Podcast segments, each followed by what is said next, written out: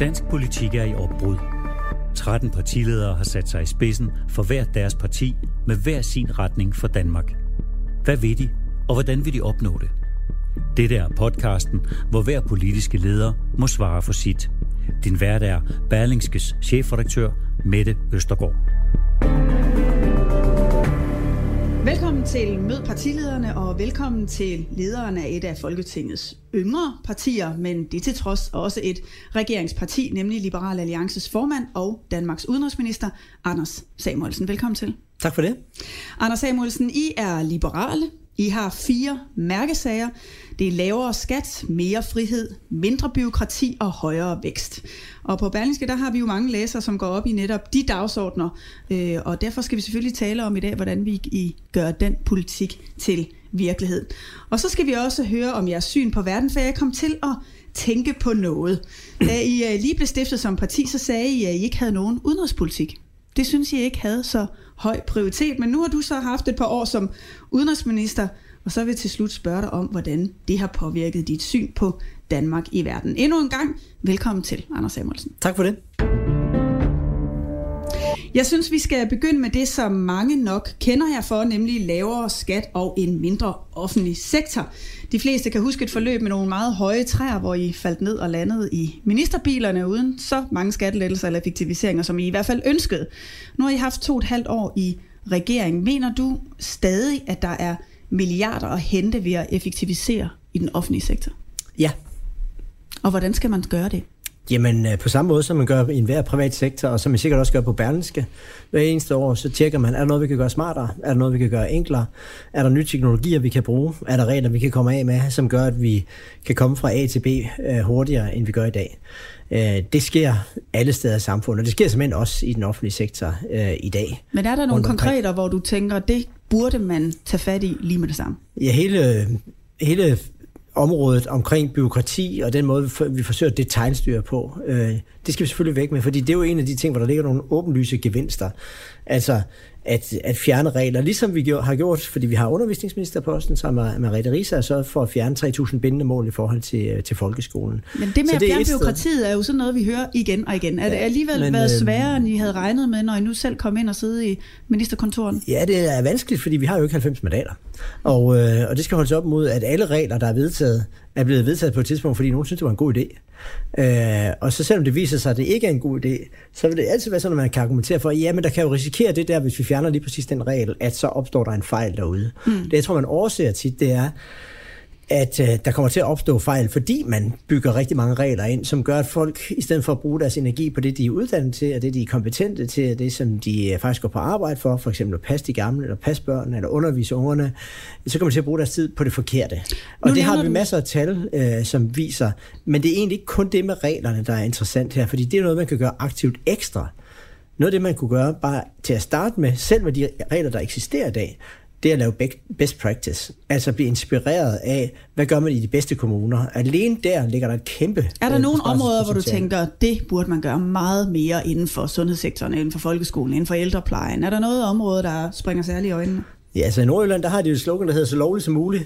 Uh, og det er jo et udtryk for lidt af det samme. Altså at um, i stedet for at komplicere uh, tingene unødigt, så lad os gå direkte til sagen. Hvad handler det om?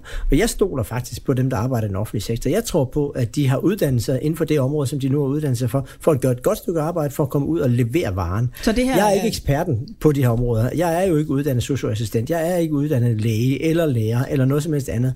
Men vi har haft en tendens til i alt for mange år, og det skal vi have et opgør med på Christiansborg, at tro, at fordi vi hører med en eller anden sag derude, så er vi eksperterne, som så skal lave et nyt regeltyranni, som går ud over de stakkels mennesker, der arbejder derude. Altså Tyre Frank i ældreministeriet er et eksempel på det. Man har målt hende på, om hun ikke kommer med nye lovforslag og nye mm. love, hvilket er jo et paradoks, fordi hele hendes liv har gået ud på at bekæmpe alle de nye love og de nye regler, som var med til at ødelægge hendes hverdag, vi, da hun var plejehjemsleder. Vi har faktisk også fået et spørgsmål fra en læser om netop øh, det her med byråkrati. Det er Tine Dahl Mortensen, som spørger, er I med på at bede embedsværket om at afskaffe en regel, når der indføres en ny så det samlede regelværk i det mindste ikke vokser.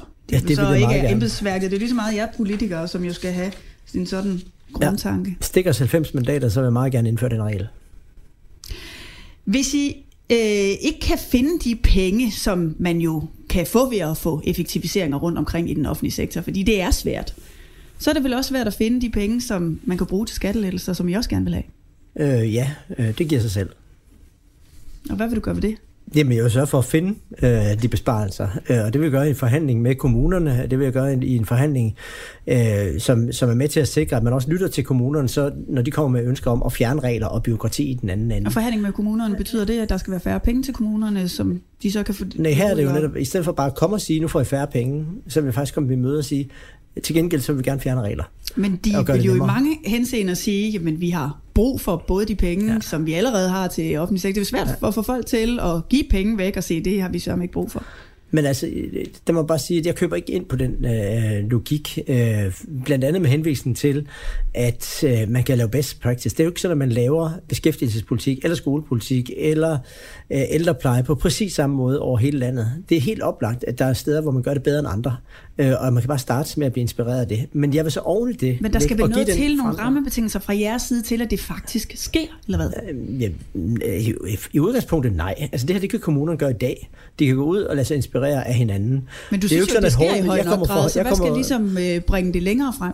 Det skal selvfølgelig være det pres, som er fra, øh, fra, fra enhver regerings side, og det er det også i dag, og så var det også for fem år siden, så var det også for Nyrup og Lykketofte, de sad i regering, at man siger, at det her det er rammen, vi forhandler indenfra, det er den økonomiske ramme. Hvordan kan vi så finde hinanden? Og, og der vil vi så gerne komme med den hjælpende hånd, at vi vil med til at fjerne byråkrati, mistillid, overformynderi, som jeg synes, at de offentlige ansatte i alt for høj grad i dag udsættes for. Men... Og som er med til at gøre, sjovt nok, at det altid er de offentlige ansatte, som synes, at de løber for stærkt, at de er under pres, at de er øh, stressede. Det er jo sjældent, at man har hørt en ansat i en privat sektor øh, sige, jeg synes, jeg løber for stærkt.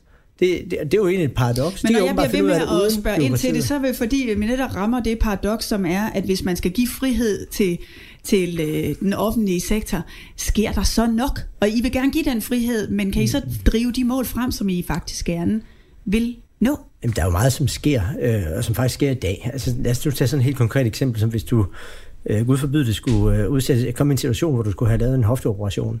Øh, altså sammenligne den øh, operation, du skulle igennem for 25 år siden, med den operation, du skal igennem i dag, sådan sat øh, på spidsen og lidt humoristisk sat op. Så sidst, altså i, for 25-30 år siden, så var det jo en dybt kompliceret operation, og alt for mange øh, ting gik galt undervejs. Så har vi fået ny teknologi og nye måder at gøre det på. Lærerne er blevet dygtige, og i dag der svarer den nærmest til at lave en bilvask ind om morgenen, ud om eftermiddagen, spille fodbold om aftenen. Det er jo sat på spidsen selvfølgelig. Det er jo ikke ringer service det er noget, som er meget mere effektivt, meget mere målrettet, meget mere borgervenligt, fordi at du kommer hurtigt i gang med det, som du gerne vil efterfølgende. Det er jo sket uden at man, altså fordi det er gået fra at bruge rigtig mange ressourcer, rigtig lang tid, og ned til at bruge meget færre ressourcer og meget kort tid på det, så er der jo ingen, der vil sige, at det er ringere service. Og det tror jeg bare, vi skal lære hinanden at tænke på den måde, i stedet for altid at tænke, hvis der går en krone færre øh, til det der, så er det ringere service. Sådan eksisterer det, altså sådan er det ikke ude i den virkelige verden, og det er heller ikke sådan, det fungerer i den private sektor oftest er det sådan, at når man tvinges til at tænke over, om vi kan gøre det lidt smartere, lidt enklere, lidt mere målrettet på kerneydelsen, også i den private sektor, så kommer faktisk bedre ydelser ud af det. Men så kan man jo også gøre det, at man kan tage ind og, og lave de her muligheder, så borgerne selv kan være med til at stemme med fødderne. For eksempel at gøre det nemmere at vælge den frie skole, som vi har jo fået igennem at øge koblingsprocenten, sådan at det er blevet billigere at vælge den, øh, den frie skole. Og det synes jeg er et godt modsvar til, når de andre partier tidligere vedtog en helt forfærdelig folkeskolereform, øh, som gav længere skoledage til børnene, altså på nogle ringere, øh, en, en ringere skoletid, både for børn og forældrenes og lærernes øh, side, så har vi trods alt givet borgerne et redskab til at sige, så kan jeg jo bare, så kan vi jo starte vores, øh, vores egen friskole, hvis den bliver, hvis den lokale folkeskole eller man bliver nedlagt, eller bare i det hele taget vælge anderledes. Og det er der mange, der gør. 20 procent af de danske børn i dag, de går faktisk i de frie skoler.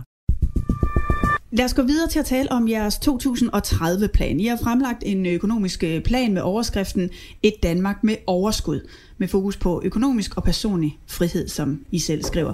Øh, jeg må sige, det er en meget tydelig, borgerlig, liberal plan. Øh, tak for tak det. For det. Ja, tak øh, det er jo rart, når der bliver fremlagt nogle klare politiske visioner på ja. længere sigt, så kan man være enig eller uenig, Præcis. men man kan i hvert fald forholde sig til det. Problemet er selvfølgelig, hvad er det, der kan lade sig gøre, men det kan vi komme tilbage til. Først vil jeg gerne lige dvæle ved lidt af noget af det, I faktisk vil.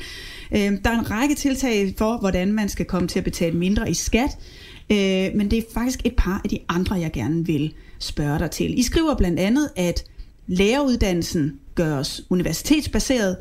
I skriver, at de frie skoler styrkes økonomisk, og I skriver også, at privathospitalerne momsfritages. Kan man konkludere, at I vil have bedre private alternativer, I vil have mere kvalitet ind i det offentlige. Det er også en del af den her plan. I bund og grund er jeg, altså sådan, som i græskatolsk overfor, hvor du får din behandling, hvis du bliver syg, eller hvor du får passet dine børn, når du skal i en daginstitution, eller undervise dine børn, når du skal i skole. Jeg vil bare have, at du har en mulighed for at vælge. Det er det, jeg gerne vil give dig. Den mulighed øh, eksisterer ikke, hvis vi strammer det hele til, så det kun er en ydelse, du kan få i den offentlige sektor. Så derfor må du gerne være lidt, lidt, lidt åben op for, at der kan være alternative muligheder. Det er faktisk en tradition, som man i Sverige, som er ledet socialdemokratisk, har levet af i rigtig mange år, på en helt, altså langt, langt i højere grad, end vi gør herhjemme i Danmark. Hvilket er et paradoks, for det er jo trods alt et socialdemokratisk ledet samfund. Herhjemme, hvis man foreslår det, så er man ultraliberalist. Men der vil også være det modsatte argument, som hed, hvis nu ellers det fælles velfærd var så god og havde så høj kvalitet, ja. så var der ingen grund til at vælge. Så vidste man, at alle kunne gå hen ja. og få bedst mulig behandling. Præcis. Det var derfor, vi gerne, altså, hvor, det var derfor, vi var imod folkeskolereformen, som blev vedtaget, fordi vi kunne se, at det der det ville ende med at være med til at kvæle folkeskolen. Når man laver så regel detaljstyret formynderisk, øh, hvad hedder det, folkeskolereform, som man gjorde, så kunne vi jo forudse, det kommer jo til at betyde en udvandring fra folkeskolen, fordi folk ikke kan få Men den hvis du siger de det, og I samtidig gerne vil, I vil, I vil øh, i vil gerne have, at man har flere valg. De frie skoler skal styrkes, privathospitalerne skal momsfritages. Ja. Det var der vel så ingen grund til, hvis du gik med det argument, der hed, at den bedst mulige service kunne man få inden for det offentlige. Præcis, men når de andre vedtager, altså øh, rotter sig sammen imod Liberale Alliance og vedtager en forfærdelig folkeskolereform, som gør, at hvis jeg ikke giver dig og dine børn en valgmulighed, så bliver de buret inde i en skole, som du ikke bryder dig om. Så er det jo vigtigt for mig som politiker, synes jeg som liberal politiker, at jeg så siger til dig, hør, øh, her har du en mulighed for at faktisk vælge noget andet. Det håber jeg så samtidig selvfølgelig er med til at lægge et pres på de andre politikere, når de så kan se, at det gør folk, og det gør de i højere grad nu, vælger øh, en fri skole eller en privat skole, at de så tænker, okay, så har vi nok lige jogget i, i spinaten, måske skulle vi lige se at få rettet op på det. Og det er faktisk noget af det, der lykkedes jo her inden for de sidste øh, halve hele år, at vi har fået de andre partier med på at lave en justering af folkeskolereformen, så folkeskolen bliver bedre. Og den anden del, som du nævnte, det er faktisk det, der ligger i forlængelse af det, det er at gøre læreruddannelsen mere universitetsbaseret. Det er præcis øh, samme tænkning, nemlig sørge for, at kvaliteten af de lærere, som vi uddanner, kommer op på øh, hvad hedder det, et endnu højere niveau. Lad os inspirere, blive inspireret af Sverige og Finland, hvor man gør det i forvejen. Øh, I gamle dage, øh, der var det sådan, at læreren nærmest var den højst uddannede øh, i et lokalområde, og det var sådan en mand, man havde respekt for, eller kvinde, man havde respekt for. I dag er det blevet øh, på en eller anden måde en mellemuddannelse, øh, og øh, du og andre, som kommer hen og møder læreren, øh, føler øh, jeg måske er bedre nærmest til, til at undervise, eller mere kvalificeret og, og så videre. Jeg synes, at der skal noget mere respekt ind omkring det med at lærerprofessionen, og det kan man blandt andet gøre ved at sørge for, at de har en, en uddannelse, som også er universitetsbaseret, ligesom så mange andre uddannelser er. Vi har fået et læserspørgsmål, som handler om en anden del af den offentlige velfærd, nemlig omkring sundhedsvæsenet. Øh, der er en læser, der spørger, har Liberal Alliance nogle aktuelle planer om at fremme forholdene og kvaliteten i sundhedsvæsenet, som ikke alene består af effektiviseringer? Ja, altså for det første at øh, lade sig inspirere af de steder, hvor man gør det godt. For eksempel Middelfart sygehus, som har formået at effektivisere også over det, som de er blevet øh, pålagt øh, igennem øh, mange år, og samtidig forhøjet øh, kvaliteten. Altså tale om de gode eksempler øh, er rigtig, rigtig væsentligt øh, at gøre det. Men her også tror jeg, det at man åbner op for en lidt større mulighed for, at man også kan vælge et privat alternativ, kan være med til at lægge det pres på de der systempolitikere, som der er for mange af i Folketinget, som, som lægger en dyne ned over det eksisterende system. Øh, det, som vi har foreslået nu i forbindelse med kommunal, med, med regionsreformen og sundhedsreformen, er et eksempel på det samme. Sørg for at organisere det på en anden måde, så kerneydelserne kommer tættere på øh, på borgerne, og borgerne føler, at man får en bedre service for de skattekroner, man betaler. Så der er masser af ting, i, også i pipeline, også for den her regering, som vil være med til, hvis vi får mulighed for at blive genvalgt, at sikre, at serviceniveauet bliver højere. Og det er jo så det der, det der med at gøre politikken til virkelighed. Ja. Gør man det bedst inden for eller uden for en regering, synes du? Det, det kan man ikke svare entydigt på, men jeg kan i hvert fald sige, hvis man tager Liberal Alliance som eksempel, så er det helt ubetinget, at øh, det vi fik igennem, inden vi gik i regering, altså da vi havde også afgørende mandater det første års tid efter folketingsvalget, det var reelt set en lettelse af registreringsafgiften og lidt på koblingsprocenten i forhold til de frie skoler. Det vi har fået igennem, efter vi er gået ind i regeringen, det er simpelthen ufattelig meget. Altså, det er så du øh, mener, at man som, klart får mest ud af for jeres altså, vedkommende? Helt, helt konkret, så kan jeg jo se på, at øh, vi fik flere skattelettelser igennem i 17, 2017 end i 2016. Vi har fået flere skattelettelser igennem i 18 end i 17 osv. Det steget omfanget af det, som vi har fået, hvad hedder det, fået, øh, fået øh, hvad hedder det, skattelettelser for, det er lykkedes os, efter vi kom i regering, at få taget livtag med folkeskolereformen. Øh, det er lykkedes os at komme af med blasfemiparagrafen. Det kunne vi heller ikke, før vi kom i regering. Jeg kan nævne en perlerække af ting, som vi ikke lykkedes med, før vi kom i regering. En, øh, en række kompromiser. Ja, det gør det. Og det gør det jo altid i politik. Ja, det, gør det. det gør det også i at sidde i uh, regering. Ja. Og ikke kun på skattepolitikken, det er jo også på, på andre steder. For eksempel ja øh, er det jo en meget liberal værdi at kunne udtrykke sig frit, og det gælder vel både den måde, man klæder sig på, og hvilken religion man vælger. Øh, jeg har lyst til at spørge, hvorfor i alverden lagde I stemmer til maskeringsforbuddet, også i dagligt tale kaldt burkaforbuddet, når vi nu taler om kompromiser ja. i den her regeringsperiode? Men der må jeg også ærlig om, at det er virkelig, virkelig dilemmafyldt for en liberal. Fordi på den ene side, så går det åbne liberale demokrati ud på, at vi kan se hinanden i øjnene, at vi diskuterer med hinanden, øh, og at vi ikke er øh, Øh, formået at putte, øh, væk. Øh, det er blandt andet derfor, tror jeg, der er på nogle nyhedsmedier, der forlanger man faktisk, at man ved, hvem der skriver læserbrevsindlæg, og hvem der skriver øh, diskussionsindlæg inde på, på nettet, så når man ligesom trods alt står ved det, man mener. Det er svært at gøre, når man er klædt ind i en burka, for nu at sige, eller er maskeret, som er det øh, udtryk, som, som man bruger. Øh, det er, den, det er den ene side, altså det, det er der et pres på, det skal der simpelthen være åbenhed omkring. Så er der den anden side, at nemlig retten til at gå klædt præcis som man vil. Øh, og de to principper, de kommer til at øh, kollidere. Og sådan er der meget i politik, hvor, hvor principper kolliderer. Og man kan ikke både sige A og B, man må vælge. Man kan godt vælge den gule knap nede i folketingssalen, mm. men øh, det overlades jo så bare til dem, der enten vælger rød eller eller eller eller Men det var jo også meget tydeligt, at det var dilemmafyldt for jer. Ja, I endte jo også med, ja. at øh, ministerne, ja. var en del af regeringen, stemte for, men mm. resten af gruppen, undtagen en enkelt, stemte imod. Yes. Øhm. Og sådan er det, fordi vi er jo ikke et parti, der på den måde går i takt. Øh, og og det, jeg tror, man kommer til at vende sig til. Men det er netop et udtryk for, at I har været nødt til at gå på kompromis med en af jeres grundlæggende værdier. Øh, nogen synes jo det, fordi som du selv sagde, så var faktisk en del, øh, som, som, som var med på, at det her det var den rigtige vej at gå. Andre var meget imod det. Men altså, så der var et dilemma der. Til gengæld, på den anden side, så har vi jo faktisk formået at komme af med blasfemiparagrafen, som er en markant landvinding i forhold til muligheden for at ytre sig frit i det danske samfund.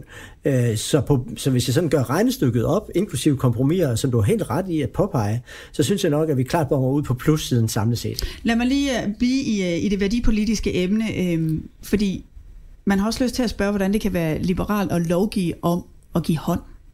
Jamen, det er jo fuldstændig øh, på samme måde dilemmafyldt. Øh, det er det. det øh, skal man lovgive om, at du skal skrive under på grundloven, øh, når du kommer, når du, hvad hedder det, øh, som vi jo nu gør, altså som vi har vedtaget, at man også skal gøre, bare for at være medlem af Folketinget. Altså, at, øh, det ligger der en tradition for.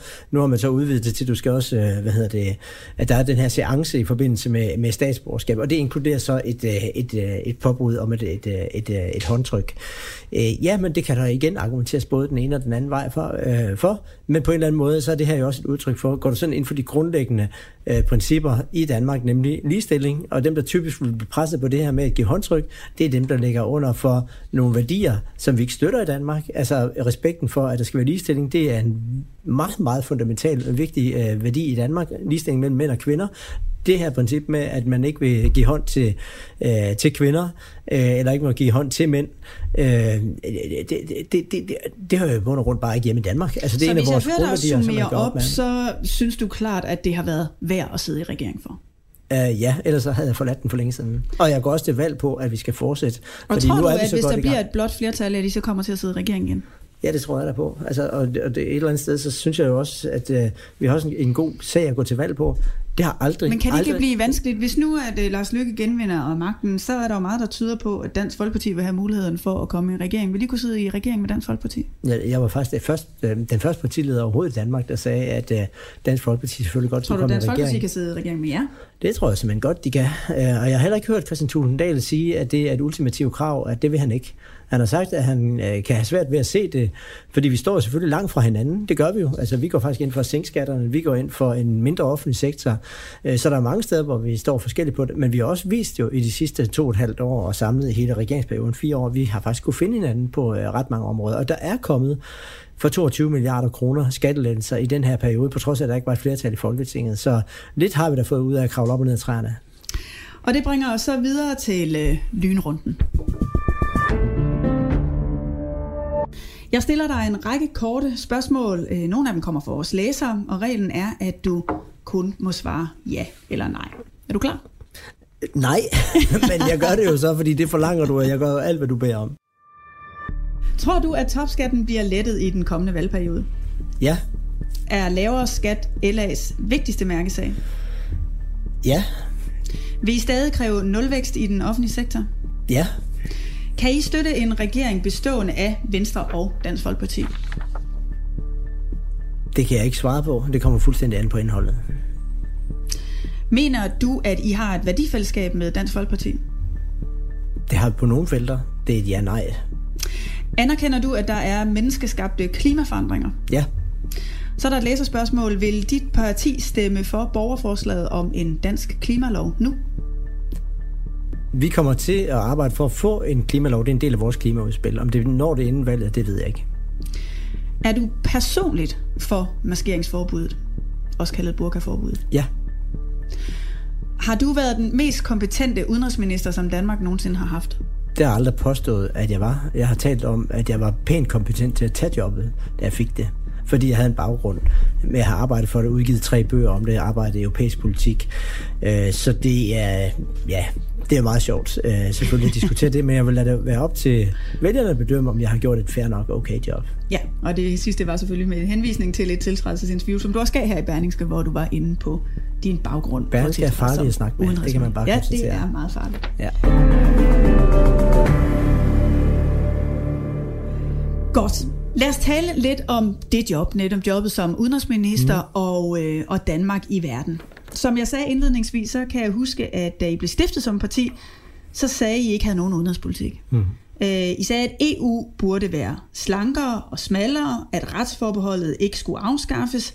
I har talt om klimasvingninger i stedet for klimaforandringer. Nu har du så haft et par år som udenrigsminister. Jeg vil egentlig gerne høre, hvordan det har påvirket dit syn på Danmark i verden. Mange har jo talt med bekymring om, den internationale orden er blevet mere skrøbelig. Hvad er din oplevelse, og hvordan synes du, Danmark skal stille sig i den her situation, vi står i lige nu? Da jeg sagde det, øh, var det en sammenhæng, hvor vi jo var et øh, parti, som var på vej til overhovedet skulle finde fodfæste øh, og få os etableret. Og derfor var det klart, at vores fokus var primært på det, som vi kunne gøre indrigs. Og det blev sagt i en sammenhæng, hvor vi var meget, meget langt fra at kunne have indflydelse øh, på, reelt indflydelse på udenrigspolitikken. Ingen havde forventet, at vi nogensinde skulle komme i regering, og hvor der var meget bred konsensus om en udenrigspolitik i Danmark, som i bund og grund hed, vi følger det brede midterspor, vi gør stort set ligesom vores allierede, og i hvert fald ligesom amerikanerne, vi støtter op om det transatlantiske samarbejde. Så derfor kan man omvendt sige, der var stort set ikke nogen partier, der havde sådan reelt, sådan markant forskellig udenrigspolitik. Det vi så har gjort, og det som jeg har været med til at stå i spidsen for i job som udenrigsminister, det er faktisk at ændre kursen, når vi fik muligheden for det. Og indføre oven i det, der hedder en aktivistisk udenrigspolitik, det som jeg har øh, defineret som en resolut udenrigspolitik. Og det er fordi, at verden også har forandret sig meget markant siden dengang, da jeg sagde det der.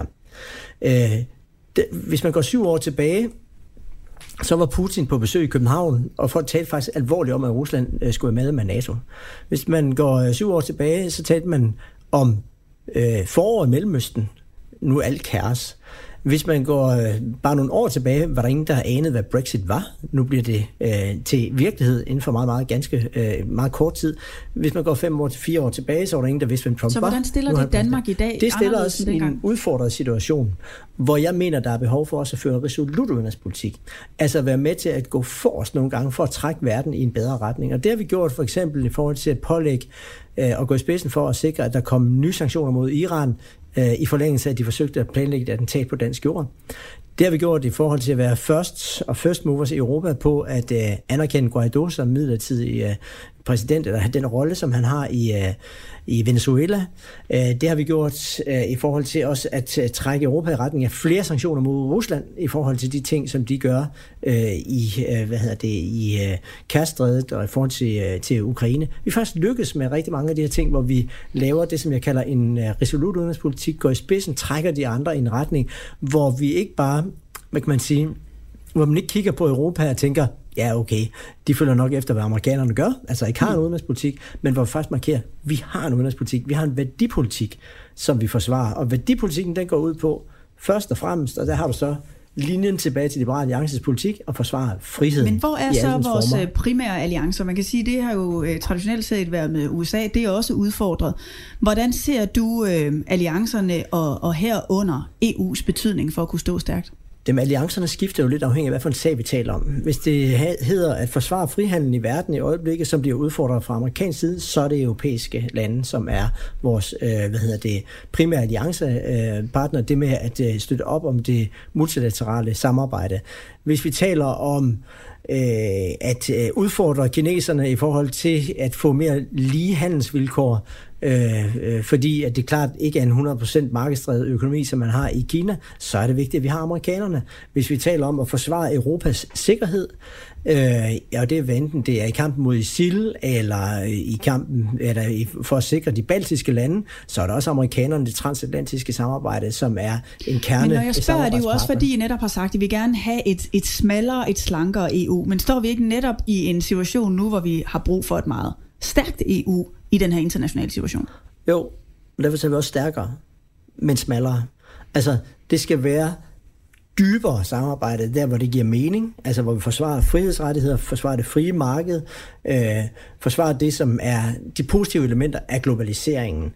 Og så skal det være smallere der, hvor EU blander sig i alt for meget. Øh, Øh, jeg har siddet både i byrådet og i Folketing og i Europaparlamentet, så jeg kender godt, øh, hvad det er for nogle mekanismer, der går i gang alle tre steder. Hvis man sidder i byrådet, så føler man ligesom, at alt skal besluttes i byrådet, for jeg skal Folketinget overhovedet blande sig i det for. Når man sidder i Europaparlamentet, så tænker man, vi kan jo lige så godt løse alle udfordringerne her. Hvorfor skal de nationale parlamenter blande sig? Men er det rigtig vigtigt, at der er en arbejdsdeling. Så det, som er grænseoverskridende udfordringer, hvor man bare kan se, at Danmark kan ikke løse det alene. Lad os tage migrationsudfordringen som et eksempel på det det er ikke nok, at vi lø, lø, lukker grænser eller har grænsevagter øh, nede ved Padborg. Vi skal også have et samarbejde med de andre europæiske lande om at få lukket europæiske grænser udadtil, for ellers så kan vi, øh, så nytter de grænsevagter, vi har, ikke noget. Så der er jo eksempler her, klimaudfordringen som den anden. Vi kan godt vedtage en ambitiøs klimapolitik, og vi vender tilbage til det, kan jeg forstå, men det er jo langt mere effektfuldt, hvis vi har nogle øh, tiltag, som vi gør sammen på europæisk plan. Men så altså, er det jo også, hvordan steder. Danmark skal stå i forhold til et EU, som så er dybere, som du siger. Ja. Altså, I har øh, I anbefalet jo, da vi havde en afstemning om retsforbeholdet, et nej. Ja. Altså nej til at få afskaffet forbeholdet. Øh, hvordan ser du på de forbehold i dag? Synes du stadig, de skal øh, være der? Altså, jeg går ind for at afskaffe øh, forsvarsforbeholdet, netop som konsekvens af, at verden har forandret sig. Øh, det har ment i mange år. Øh, det har ment helt tilbage fra min tid, da jeg sad i Europaparlamentet, fordi der var blandt andet ordfører på Balkanområdet, altså parlamentets ordfører på, på Balkan, hvor man kunne se, at det var en mærkelig situation, vi går ind i, at Danmark kunne være med, når det var krudt og kugler. Øh, til gengæld, når det var inde under den europæiske forsvarssamarbejde, hvor man skulle sikre fred. Men retsforbeholdet, som vi nu lige har forholdt os det mener, vi skal holde fast i. Øh, vi kunne godt have sagt ja, og det anbefalede vi regeringen at have anbefalet et ja, hvis man havde nøjes med at stemme om det, som egentlig var sagens kerne, nemlig politisamarbejdet. Men man valgte fra de andre politiske partier side, på trods af vores advarsler, at vi er tage 7, 8, 9 andre punkter ind under. Og det er fifle med forbeholdene, det skal man ikke. Man skal have stor respekt for forbeholdene. Nu nævner du selv øh, behovet for at samarbejde om immigration i forhold til ja. EU's øh, ydre grænser. Øh, I foreslog i 2016 at træde ud af flygtningekonventionen og lave et totalt stop for spontan asyl. Giver det, ud, giver det mening på, på nuværende tidspunkt? Øh, skal man ikke netop stå vagt om præcis det internationale samarbejde for at løse den opgave? Vi har aldrig foreslået, at vi skulle trække os ud af flygtningekonventionen. Vi har kommet et helt konkret forslag, det gjorde vi tilbage i 2014 allerede første gang, om at vende flygtninge i lufthavnen. Det var sådan det udtryk, som vi har brugt billedligt talt. Og sørge for at hjælpe folk i nærområderne i stedet for. Det var alle partier imod. Vi blev øh, set på som nogle fuldstændig på månenagtige politikere. Så da vi fra, forslaget frem igen i, øh, i 15, så var der pludselig sket en ændring, så der var flere partier, som var lidt med på ideen. Så gik vi i regering og fik skrevet det ind i regeringsgrundlaget, at man i langt højere grad skal hjælpe i nærområderne, i stedet for at tage imod øh, en uendelig masse her, herhjemme, som ikke er reelt flygtning, fordi det har været igennem andre lande. Man er jo flygtning, indtil man er i sikkerhed, men derefter er man migrant. Og at man skulle hjælpe meget mere nærområdet. Og det har vi gjort. Der er aldrig før blevet ført så mange penge fra Danmark til hjælp i nærområderne. Og det synes jeg er godt, fordi så hjælper vi langt flere, end hvis vi hjælper meget få herhjemme. En anden øh, grænseoverskridende politisk dagsorden, som du selv er inde på, det er jo klimaudfordringerne. Øhm, og øh, I har, jeres ordfører på området har afstået for at tale om klimaforandringer, i stedet for at han tale om klimasvingninger. Øhm, jeg tror, du går lidt langt tilbage der. Hvad er dit syn på, hvor vigtige klimaforandringerne er at gøre noget ved politisk? Det er meget, meget vigtigt. Og hvad skal der til for, at man rykker i et højere tempo, end det jo ja. har været øh, end det har været... Øh... Jeg synes, det der har været problemet på klimaområdet, det er, at der er rigtig mange, der har talt om det, men de har ikke gjort ret meget ved det. Og de løsninger, som de har foreslået, der vil man bare kunne forudse med 100% sikkerhed, at hvis det er det, der, man foreslår at spise en, en bøf mindre, eller flyve lidt mindre, øh, og så bygge en vindmøllepark her og der, så er det 100% sikkert, så når vi ikke i mål. Så derfor har min ambition været som leder af Liberal Alliance at gøre det, som vi plejer at gøre, nemlig at lægge den rigtige plan. Den, der faktisk vil virke. Og hvad er det, der vil virke? Ja, i omlægningen fra øh, traditionelle fossile brændsler til vedvarende energi, der er det, øh, det tiltag, man kan tage fra, fra dansk øh, side, som er suverænt mest effektivt, det er at sænke elafgifterne ned til det, som er det minimum, vi overhovedet kan sænke den til.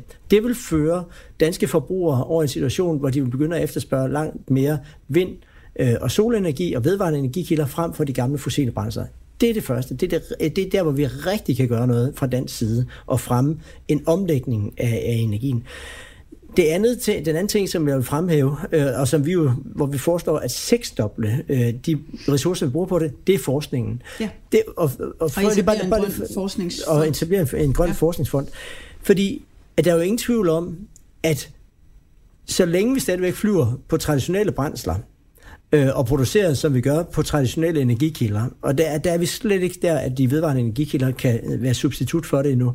Så kommer vi ikke til at løse det her problem. Men hvis vi forsker i det, og Danmark går forrest her, og øger øh, hvad hedder det, vores indsats med seks gange, så kan vi forhåbentlig få de andre lande med på det samme. Der kommer EU ind i, øh, ind i billedet også, og, og kan vi få Kina og amerikanerne med til at gøre det samme, så er det og så er vi fremme ved pointen. I stedet for, at man er 100% sikker på, at man ikke når målet, så vil jeg sige, så er man tæt på 100% sikker på, så når vi målet. Fordi så får vi udviklet de nye teknologier, der gør, at vi en dag tænker, hvad var det inden for en udfordring, vi stod overfor? Fordi nu har vi løst den. Nu nævner du også, at der skal indføres en ny klimalov, men hvordan sikrer man, at der er en vis politisk fremdrift på det her område, hvor man jo har travlt? Blandt andet er det nu blevet et, et, et, et, hvad hedder det, en del af den samlede regeringspolitik, og også Liberale Alliances politik. Her er så vores bud på, hvad der skulle stå i sådan en klimalov. Det er det, vi lige har talt om øh, som nogle af elementerne. Øh, jeg, jeg, jeg mener, at, at selve det at, at vedtage en klimalov i sig selv jo ikke er så interessant. Interessant er, hvad der står i den. Og hvad vil vi så egentlig gøre? Men og også, jeg hvordan mener, skal den konkretiseres? Hvordan skal den finansieres? Præcis. Der er en del af regeringsplanen, som meget handler om øh, at indføre øh, en, at få en million elbiler. Ja. Men man kan ikke sige, hvordan det skal finansieres. Hvornår er det blevet god borgerlig politik at sige, at vi vil gerne gøre noget, men vi kan ikke fortælle, hvor pengene skal komme fra? Ja, det er jo virkeligheden, når man skal forsøge at øh, sætte på den ene side en ambition op, og man måske ikke kan blive enige om hele finansieringen. Og derfor er det godt, at vi internt i regeringen også er tre øh, forskellige partier, og vi har vores bud.